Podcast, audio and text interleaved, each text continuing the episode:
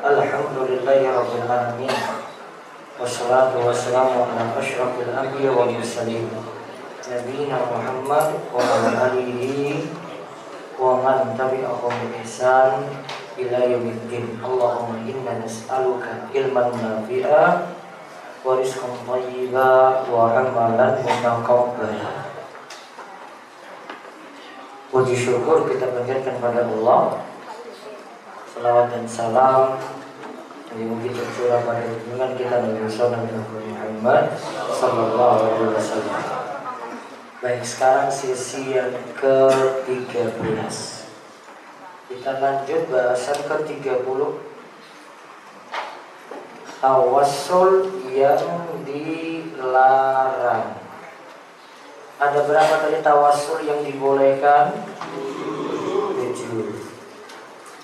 Satu tawasul dengan iman, dua tawasul dengan ucapan tauhid, tiga tawasul dengan asmaul husna, empat tawasul dengan sifat-sifat Allah, lima tawasul dengan amal soleh, enam tawasul dengan meninggalkan maksiat tujuh tawasul dengan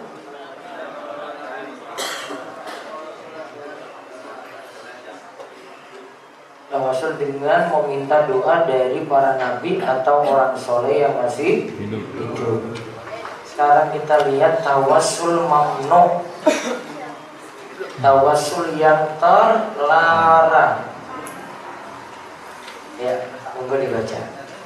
Tawasul yang dilarang ialah tawasul yang tidak ada dasar dan contohnya dalam agama Islam.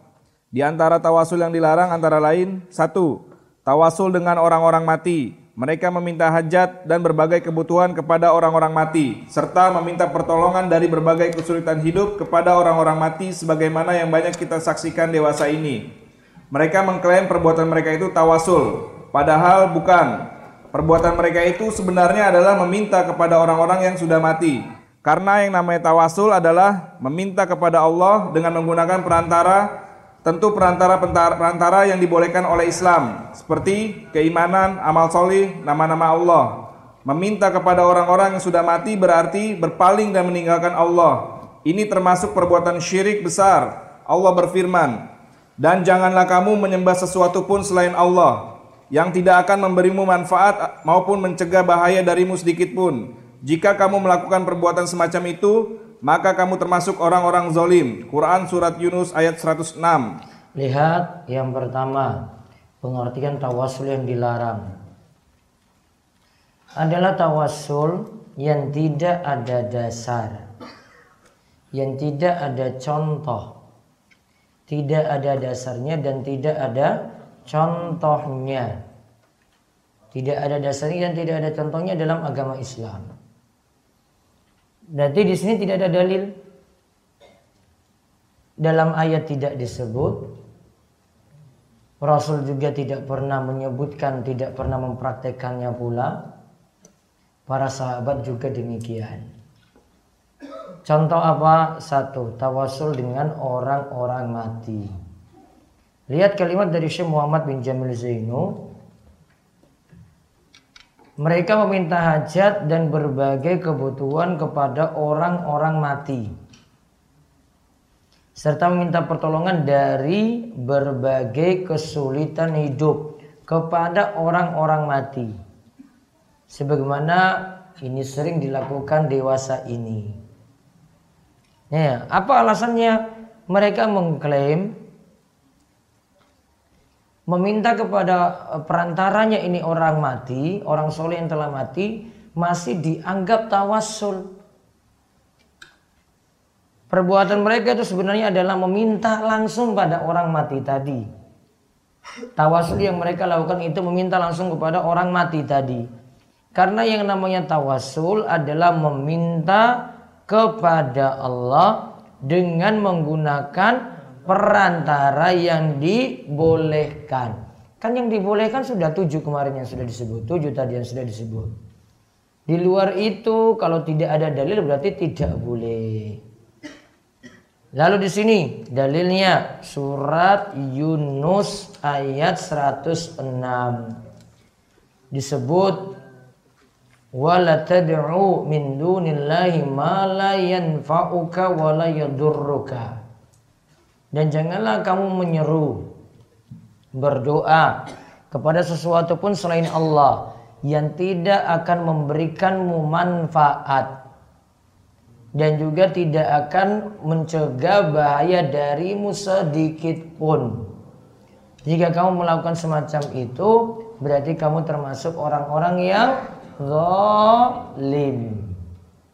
Dan diberikan keterangan oleh Syekh Muhammad bin Jamil Zainu, zalim pada ayat di atas maksudnya adalah perbuatan syirik. Berarti kamu jadikan perantara pada orang mati termasuk orang zolim. Zolim yang dimaksudkan apa? Syirik.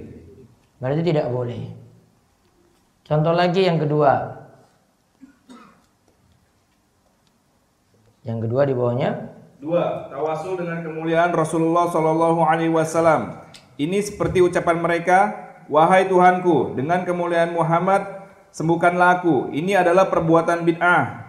Sebab para sahabat tidak pernah melakukan perbuatan semacam itu. Nah, ini yang tadi disebutkan oleh Syekh Muhammad Jamil Zainu.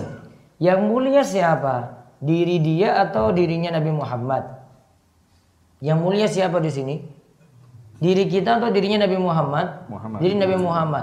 Maka tidak boleh pakai amal orang lain atau kemuliaan orang lain. Kan tadi amal soleh yang kita tawasul amal solehnya siapa? Diri sendiri. Maka kalau kemuliaan, kemuliaan kita sendiri, tidak yang lain. Karena sudah beda. Dan ini tidak pernah dilakukan oleh para sahabat. Coba lihat lagi adapun Adapun tawasul yang dilakukan oleh Khalifah Umar bin Khattab dengan doa paman Rasulullah Shallallahu Alaihi Wasallam yaitu Al Abbas itu adalah dilakukan semasa Al Abbas hidup. Nah, berikan catatan itu Abbas masih hidup. Dijadikan tawasul oleh Umar bin Khattab. Lalu Umar tidak bertawasul kepada Rasulullah Shallallahu Alaihi Wasallam setelah beliau wafat ketika berdoa minta turun hujan. Adapun hadis bertawasullah kalian dengan kemuliaanku adalah tidak ada asalnya sama sekali. Begitulah menurut Ibnu Taimiyah. Nah, mereka berdoa ya berdoa dengan jah dengan kemuliaan Rasul Shallallahu Alaihi Wasallam dalilnya juga tidak ada asalnya sama sekali. Maka biasanya mereka beralasan dengan hadis-hadis yang lemah. Terus di bawahnya lagi. Tawasul bid'ah ini bisa menjerumuskan orang kepada perbuatan syirik. Bila, bila orang yang bertawasul itu berkeyakinan bahwa Allah membutuhkan perantara sebagaimana seorang pemimpin atau penguasa pada umumnya.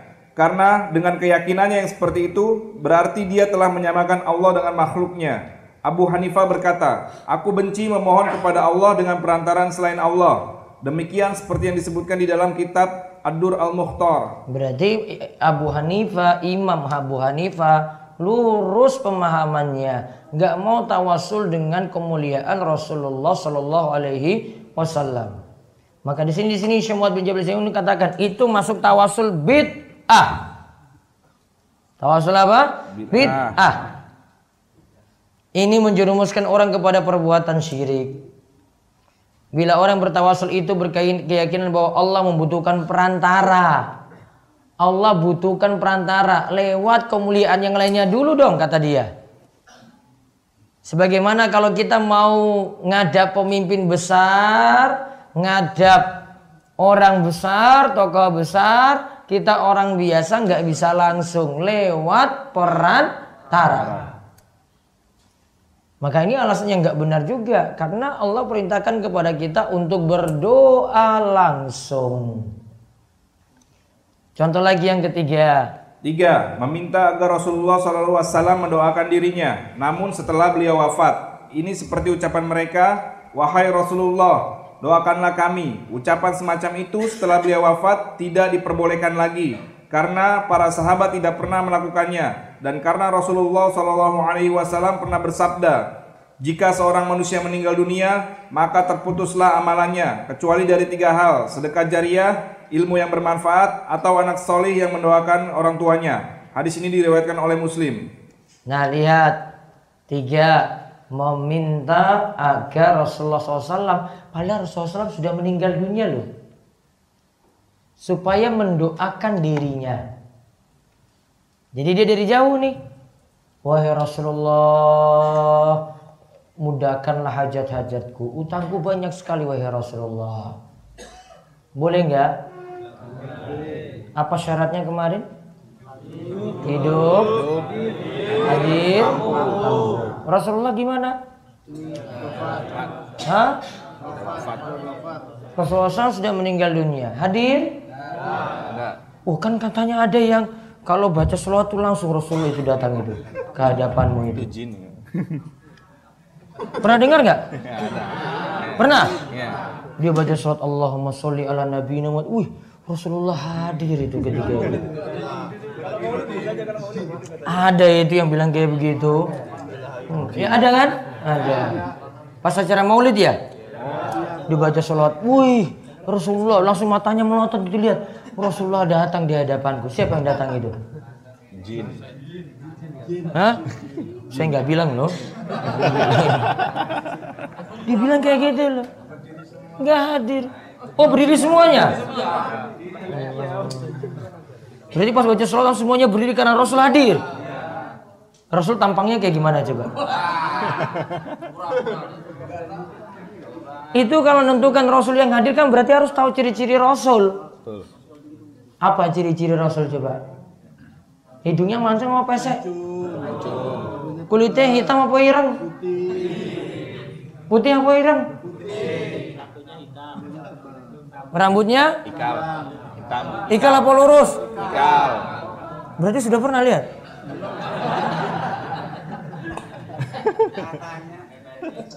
Kalau ini hadisnya ada, betul. Namun kamu sudah pelajari apa belum itu loh? Kok sudah bisa tentukan, wah Rasulullah hadir gitu. Ternyata yang kamu lihat itu hitam terus keriting itu gimana coba? Gak bener kan? Yeah. Maka Rasulullah sudah tiada. Jadi nggak boleh minta langsung, wahai Rasulullah lepaskanlah utang-utangku. Nggak bisa. Syaratnya kan tiga, hidup, hadir, mampu. Ini nggak terpenuhi. Terus tadi, karena para sahabat tidak pernah melakukannya. Oh nggak pernah. Para sahabat Rasulullah SAW sudah meninggal minta seperti itu nggak pernah. Abbas saja yang tadi itu cuma dilakukan pada Abbas karena mereka nggak mereka sudah tahu Rasul sudah meninggal dunia.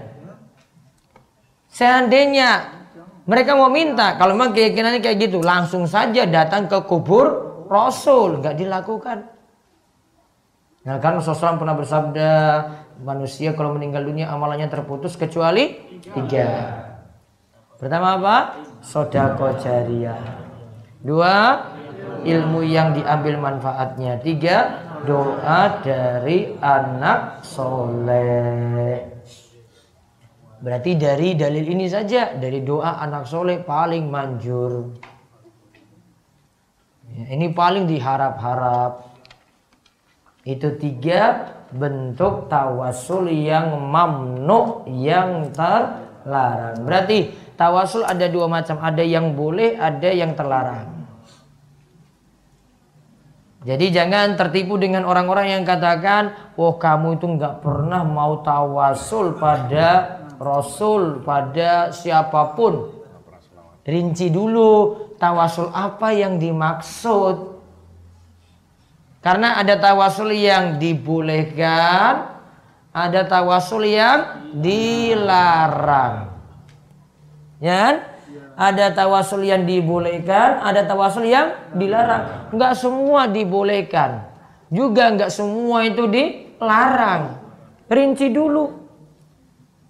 Nah, berakhir sesi yang ke-13.